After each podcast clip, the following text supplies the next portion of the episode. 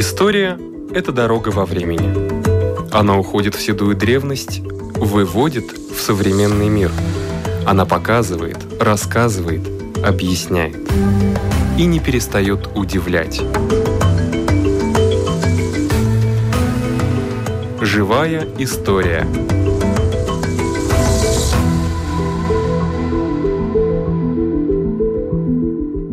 У микрофона Лидия Чера.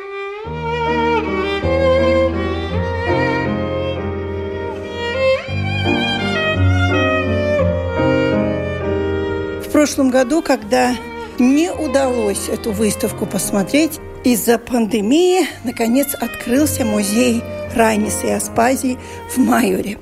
И мы теперь можем увидеть выставку, на мой взгляд, уникальную выставку, потому что только глядя на эти фотографии, мне кажется, около каждой фотографии тут целый рассказ может быть. Представитель музея Астрида Цирула. Это и театр, и Райнис – да, эту выставку мы делали в связи с столетием художественного театра. И поскольку Ранис и Аспазия очень часто были там на сцене, то мы делали выставку только о тех постановок, где поставлены пьесы Раниса и пьесы Аспазии. И здесь большинство фотоснимок, но есть и некоторые реквизиты из постановок, есть костюмы. И, конечно, мы как бы проходим весь путь столетия художественного театра, который очень тесно связан с Ранисом и Аспазией. Сначала, конечно, это был тот момент, когда Ранис и Аспазия возвращаются из долгих лет, прожитых в Швейцарии, 1920 год. И весной, 10 апреля и буквально через день, 11 апреля, в Латвии возвращается Эдуард Смильдис из России. И так получается, что его мечта делать новый театр совпадает с тем идеями, которые связаны с клубом Райниса, который тоже хочет делать под своим как бы кровом тоже такой театр. И осенью, 19 ноября, все сделано до такой степени, что можно открыть театр. И место на улице Ладжплейша. И первый спектакль, который поставили по пьесе Райниса. Это пьеса Райниса «Индулис и Ария». И с этой премьерой и открывается, и начинается художественный театр. К сожалению, наверное, нашим радиослушателям будут совсем незнакомы эти фамилии, но все-таки кто был в титульных ролях? Конечно, Индулис был сам Эдуард Свильдис. И Остальные, конечно, менее знакомы, но интересно то, что хотя у театра денег почти нет, и делано все как бы только в драпериях, то энтузиазм был фантастический, и энергия и желание делать театр у Эдуарда Смельдиса огромный, и так буквально как будто из ничего рождается театр. Да. Пройдем, может Наша быть... выставка делана как будто по десятилетиям. Мы проходим первые 20-е годы, 30-е годы, и так как бы доходим до наших дней. Ну вот 20-е годы, что интересно, 20-й год, 19 э, ноября, Индуласиария, 21 год, Аспазия, Атребея, как это? переводится. Мстительница. Мстительница. Буквально через два месяца. Через месяц Аспазия Серебряное покрывало. 21 апреля «Огонь и ночь» Райнис. То есть очень быстро все это происходит. В театре фактически с самого начала как будто два директора. Один Райнис, другой Эдуард Смильдис. Смильдис, конечно, художественный руководитель. Райнис более интересуется о репертуаре и не только о том, чтобы ставить свои пьесы, но чтобы он был классика, чтобы это была хорошая драматургия. Ну и, конечно, в то время выдвигается нравятся пьесы его и Аспазии. Но самое главное то, что театр идет свой другой путь, в отличие от остальных театров. У театра есть желание делать очень такой визуальный вид. Они занимаются ритмом, занимаются тем, чтобы декорации совпадали как бы с движениями актером. И иногда эти визуальные чувства были в первый план. И идеи, может быть, немножечко и текст отошел в второй степень. Конечно, ранее с этим не был особенно доволен. Они там усмелились, хотя были недовольства и ссоры, но все равно они были друзьями, соратниками. Единомышленниками. Да, единомышленниками на всю свою жизнь. И постановки продолжались. Когда театр прошел эту первую степень, потом уже начиная с 30-х лет, тогда уже начинаются более глубокие постановки, где уже открывается больше идей Райниса, мне бы все-таки хотелось подойти к следующему десятилетию, посмотреть, как там было, потому что это десятилетие с 20-30 в 29 году поставили «Ветерок». Это, по-моему, этапная да. пьеса. А потом, вот начиная с 30-го года, очень такая важная постановка была «Иосиф и его братья», где играет Лилита Берзиня, более известное имя, да. которое играет и Эдуард Смильгис, конечно. Может быть, постановок не так уж много по сравнению, как это было 20-е годы, но, конечно, именно Йосиф его братья как бы доминирует над остальными постановками. И десятилетию восстановили опять спектакль «Индус и Ария». Да, театр особенно сначала старался как бы десятилетию опять обновить такой юбилейный спектакль, с которым начинался театр. Ну, следующее десятилетие – это уже война? Это война, и это, конечно, с одной стороны, очень сложное время для театра, но с другой, именно в этот момент появляется на сцене спектакль, который вошел как такой эталон латышского театра. Это постановка в 1947 году, сразу после войны, можно сказать. Это постановка «Огонь и ночь». Эту постановку показали во время декады в Москве, и она там имела огромный успех. Также главные герои получили призы. Конечно, режиссер Эдуард Смильгис. Главные роли играет Спидола Лилита Берзиņa, Лāčplēsis Артурс Филипсонс, Лаймдота Ирма Лайва и Кангарс Лишмитс. Но здесь можно в фотоснимках их всех видеть. Но в связи с этой постановкой у нас интересно то, что мы видим не костюмы, а интересные реквизиты. Меч, и щит Лачплесиса из этой постановки. Деревянные да. или металлические? Металлические. Там нужно Лачплесиса, чтобы им махать. На да, чтобы этот щит держать тоже. Да, это, это было не так просто. Играть и держать это И вот там уже корона, Спидолы и также некоторые реквизиты из этого спектакля. Очень красивые такие. Так что это все сохранилось с того 47 -го года. Сакты, кубок такой. И здесь и главный герой героини встречают посетителей в центре зала тоже. Огонь и ночь, да? Да. Харис Лепинч уже дальше. Не, мы пропустили, извините. Харри Лепинч еще впереди. Лепинч сейчас 50... именно будет. 50-е годы. Там начинается Эдуард опять... Павлс. Опять начинается индусиария, где ну, а, тема любви. Да. Потом несколько постановок, где меняются немножко составы. Это «Вейветерок», но именно 56 год, когда на сцене появляется пьеса «Играл я, плясал». И эта постановка совсем такая особая тем, что она живет на сцене более 25 лет. Да. Это просто невероятно. И главный герой Харис Лепинш играет все эти годы, никому не отдает свою любимую роль кто-то. И это становится такой пожизненной ролью его.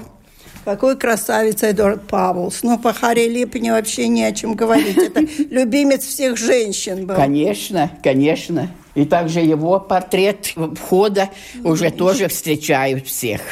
И вот Петерс Петерсонс уже... И, и вот 60-е годы начинается, можно еще называть Аспазию, конечно, конечно. потому что пьеса Аспазии Вайделоте тоже одна из постановок еще Эдуарда Смильдиса, которая была в конце 50-х лет. Музыкальный фрагмент из постановки 1985 года пьеса Вайделоте «Аспазия». Mēnesis starus stīko, dzelmē dzidrajā. It kā balsis mani turpu aicina. Nāc, ja līdzi dodies plašā tālumā, ļaujies sevi aizvest burvju laiviņā, būras tīra zelta Irklis sudrabvīts, zvaigznes ceļu rāda, vada auseklīts. Nāc man līdz, es zinu, malu laimīgu. Tur, kur mēnesis sastopa saules meitiņu. Tur, kur stars ar staru liesmās vienojas Tur, kur gars ar garu jūtās satiekas, zemes ilgošana, tur kā migla klīst, mūžam nebeidzama, gaismas traume līst.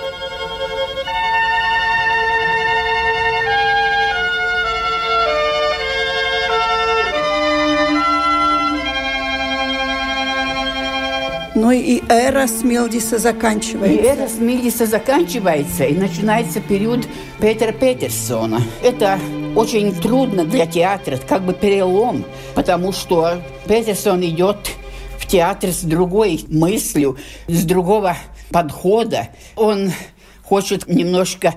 Э, ну, реформировать. Реформировать, конечно, но если немножко такого пафоса, который у Смильдиса был, который последние годы, может быть, не был столь характерен для других театров, Петерсон хочет этого менять и делает пьесу «Огонь и ночь», как бы с другого подхода. Ну, здесь были и удачи, и неудачи, как это всегда в таких ситуациях. Но здесь очень важное место было тем, что он выдвинул не только абстрактные символы, но хотел показать человеческие отношения в пьесе. Роли Лачплесиса был и Эдуард Павел, и актер, который вошел в театр, это Вулис Пуцитис. Да, яркий талант. Да. И интересно то, что, чтобы не дать роли, которые как бы всем уже показалось очень понятной, что Спидуэлла могла быть Биартмана, которая очень хотела, конечно, да. эту роль, он делал все наоборот. Для Артмана он дает роль да. Лаймдоты, да. и Спидуэлла это Дина Купле, это Стунгуре, это Осма Кантане. Так да. что три Спидуэллы разных поколений. А вот еще это платье, которое это сохранилось ко- Это костюм Ви Артманы. Да. Но это еще последняя постановка Райниса Эдуарда Смильгиса. Это Илья Муромец. Э, Пьеса, Что? которая авилась в 63 году. Ви Артмана, по-моему, тут талия, наверное, 45 сантиметров. Такой такое, маленький размер. Мы все-таки привыкли в Ви Артмана Это костюм Латыгори, которые какие-то параллели можно вести с пьесой «Огонь и ночь» за Спидолой. Очень красивый костюм. Очень красивый, с фантазией, сделан прекрасно. И в связи с этой постановкой «Огня и ночи», о которой мы говорили, здесь тоже костюмы есть. И костюм Лачплесиса, и костюм Спидуэлл из этой постановки. Тоже интересно. Просто из веревки сделан. Да, как-то издали да. смотрится издали, очень хорошо. Он издали смотрится как кольчуга. А вот так подойти ближе, это такая канатная веревка такая рыбацкая. А издали тоже замечательные у нас художники работали в театре. А вот Арнольд Ну, новый период. Арнольд Лининш. 71 год уже. Даже. Да, да. И в связи с Лининем мы должны говорить опять о новом прекрасной постановке. Это Иосиф и его братья – где костюм Иосифа мы видим, и здесь прекрасное золотистое такое платье Аснате. Такое же платье есть у фараона Иосифа, но мы разделили этих материалов, потому что костюм Иосифа вам надо ходить в театральный музей смотреть, да. а нам осталось Аснате. Так что каждый из нас может показать эту прекрасную золотую эру Египета. Вот уже Индулис и ария, ария в исполнении Ольги Дреди – Индулис, Филипсон. и Артмане тоже второй. Да, состав, да? да, фактически первый состав. Артмане и Лелдич, а второй Янис Филипсонс и Дреди. Да, уже знакомые мне актеры появляются. Это 70-е годы. Райнис не уходил со сцен художественного Это 81 театра. год, Иосиф, да. о котором мы говорили. И здесь были некоторые составы, но фактически в историю вошел Янис Паукштелло, для которого роль Иосифа стала пожизненной ролью, можно сказать. И здесь он встречается с Райнисом в такой степени, о котором может мечтать каждый актер. Прекрасно. И он ее исполнял довольно долго. Да, поскольку она была на сцене, он все время играл. Но это уже дальше кончаем. Еще один раз Индулис и Ария на сцене. Ну и а, здесь да. уже новый состав. Новые составы. Харис Лепинш на этот раз играет Минтаута. А здесь Ивар Скалнинш, Индулис. Да, тут Ивар Скалнич вместе. И Андрис Жагарс. И Жагарс. И здесь Мирза Мартинсон и Ария. Так что имена, которые сейчас всем также знакомы. Да. И нужно сказать, что последняя такая постановка – это 90-й год, когда на сцене «Золотой конь». И здесь опять Харис Лепинч играет такую ему, может быть, не так характерную роль, как «Белый отец». И его костюм здесь. Это мужской костюм? Да, да. Но получилось так, что в 21 веку нет ни одной постановки Ранниси Аспазии. И когда мы говорили сейчас новым руководителем театра, Вестером Кайришем, он совсем испугался и сказал, что в первую очередь нужно взяться за это. Ну, мы сперва мечтаем о том, что в театре будут показаны спектакли, которые так же, как наша выставка ждет посетителей. Это «Смильдис», где будет раскрыта история художественного театра. То есть художественная пьеса есть Смильдис? Да, пьесу написала Мара Залита. И здесь она открывает и Смильдиса, и там Ранис появляется, и Аспазия, и все остальное. Но очень надеюсь, что театры тоже откроются.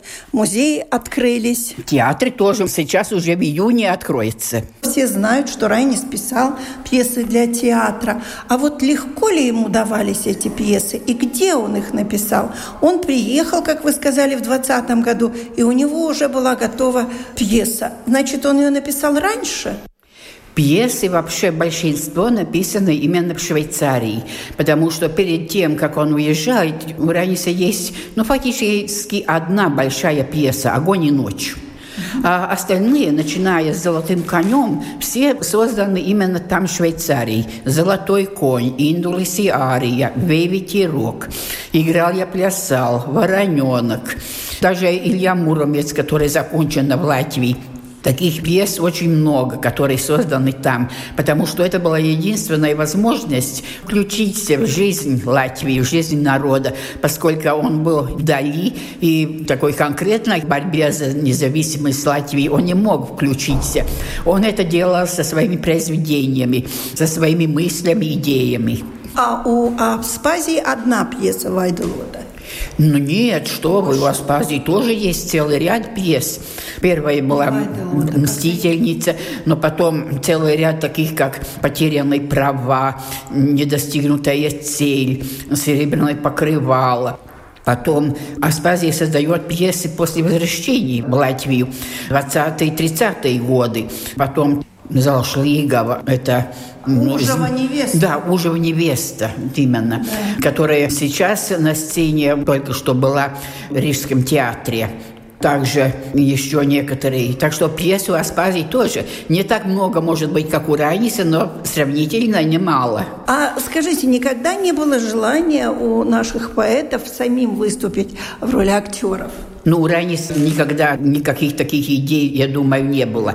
Но Аспазия, как бы ни странно, начинала свой путь в латышском обществе, и она даже как будто бы считалась чуть не актрисой. Ей дали такую возможность. Но она все-таки чувствовала, что ей лучше удается писать пьесы, чем играть. Хотя по сравнению с Ранисом она была хорошим оратором. Ей нравилось выступить, говорить, и ей это удалось довольно хорошо и удачно. Ранис не был оратором. Он писал хорошие статьи, но если ему саму надо это произнести, это не всегда было так легко. У нас даже на радио сохранился голос Аспазии. Имею такую возможность даже поставить в эфире ее реальный голос. Būdama vēl pie Rikveļa kungiem, es viņš bija pārcies, saņēmu kā brīnumu vēstuli no magistra Bilsmaņa, kurš bija teātra komisijā galvenais noteicējs Rīgā. Un ar lielu sajūsmu rakstīja man, ka viņš tā pirmo reizi tik skaistu darbu esot lasījis un kā tas esot galīga sensācija vai lūzums un pirmo reizi poēzija Latvijā. Protams, es tūlīt tad atstāju visu un braucu uz Rīgu. Īsi priekš izrādes man vēl gadījās tā.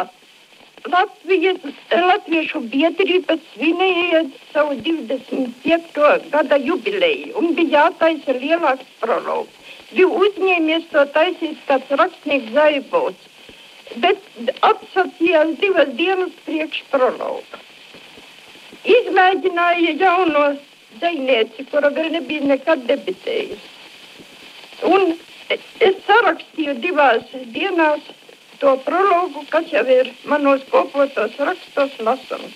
А Райниса голоса не нашли? Нет, нет, никаких таких следов нет. А вот откуда он брал сюжеты? Вот откуда такие, в общем-то, разные пьесы, да? Они созвучны свободе, любовь, вот тема такая. Но все-таки сюжет где-то должен каким-то образом по жизни пройтись, что ли? Не совсем фантазия. Сюжеты очень тесно связаны с фольклором, конечно. Очень часто Ранис берет какой-то фольклорный материал. Да. Но для него это не просто драматизация сказки. Для него это как бы только только исходной пункт, от которого он начинает думать, и они уже перерастают в свои символы, свои уже понятия. Но сама эта начальная сюжетная линия очень часто идет от сказки, как это, например, «Золотой конь». Это эстонская сказка на этот раз. Но почти всегда такие фольклорные сюжеты были тесно связаны. Но если не то, то есть э, материал истории, где история тоже переплетается с фольклором фольклором. Да. Иосифа его братьев. Но у Раниса есть огромное количество незаконченных пьес, и здесь сюжет огромной возможности всего мира нельзя сказать незаконченные пьесы. Там есть разные. Есть такие, где Ранис написал 3-4 акта, и только немножечко не хватало, чтобы он закончил бы эту пьесу. Но есть такие, где есть только 2-3 предложения. Просто идея, название – и пара предложений о том, что он хотел. Но темы очень тесно связаны с разными периодами истории народов.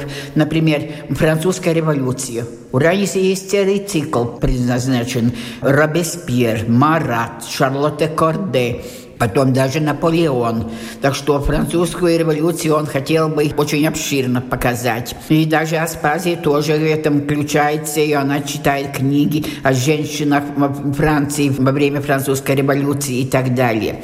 Но есть античные идеи, сюжеты. Рейс очень любил философа Сократа и, конечно, хотел о нем писать.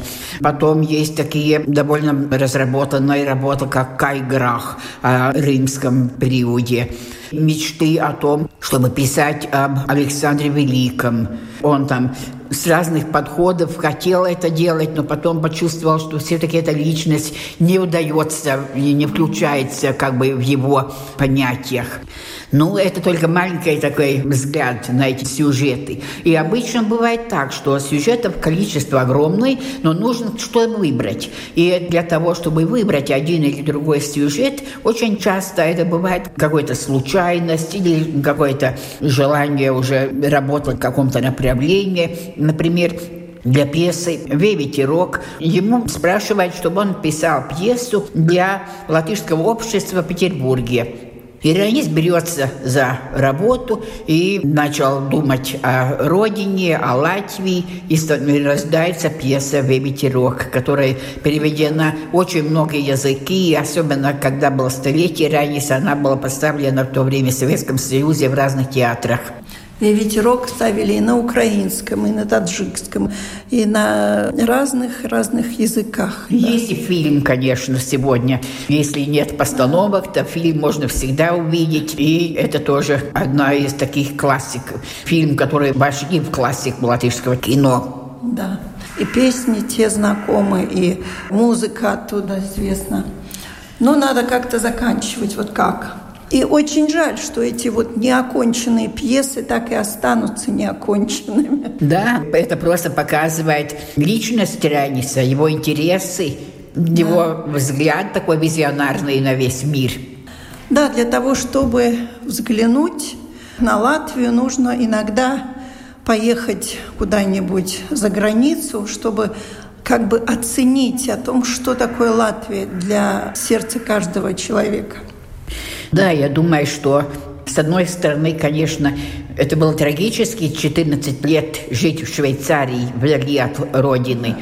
Но с другого вида как бы смотреть на это, то вряд ли, если Ранис был здесь, в Латвии, во всех этих ситуациях, во всех войнах и во всем, что здесь произошло, он бы очень активно включился. И пьес, наверное, написал, конечно, меньше, чем это сделано было там, где это была единственная возможность отправиться где-то в горы, смотреть вдали, мечтать о родине. Да и выплескиваться творческими пьесами. На мой взгляд, это один из самых активных творческих периодов Райниса. Да, конечно, конечно.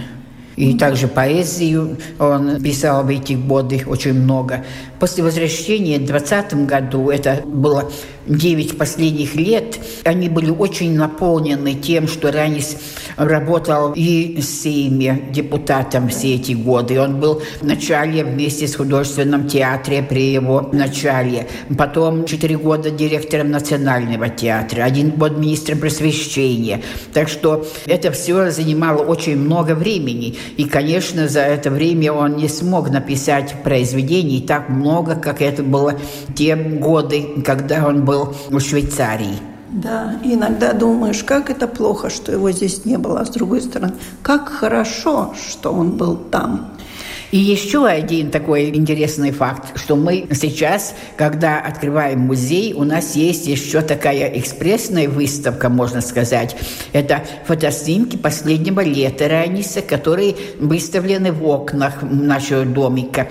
И если идти по саду, то можно обойти кругом домом и знакомиться с Ранисом и среди них, конечно, популярный фотоснимок, которого сегодня знают все. Ранис в своем купальнике. купальнике стоит в море. Это все фотоснимки Олива Мэтра, фотографа, который сделал эти фотоснимки в 29 году в августе, буквально месяц до смерти поэта. Да, как жаль, что при его здоровом образе жизни и перспективе прожить 130 лет он прожил практически половину этого срока. Так бы он много что закончил.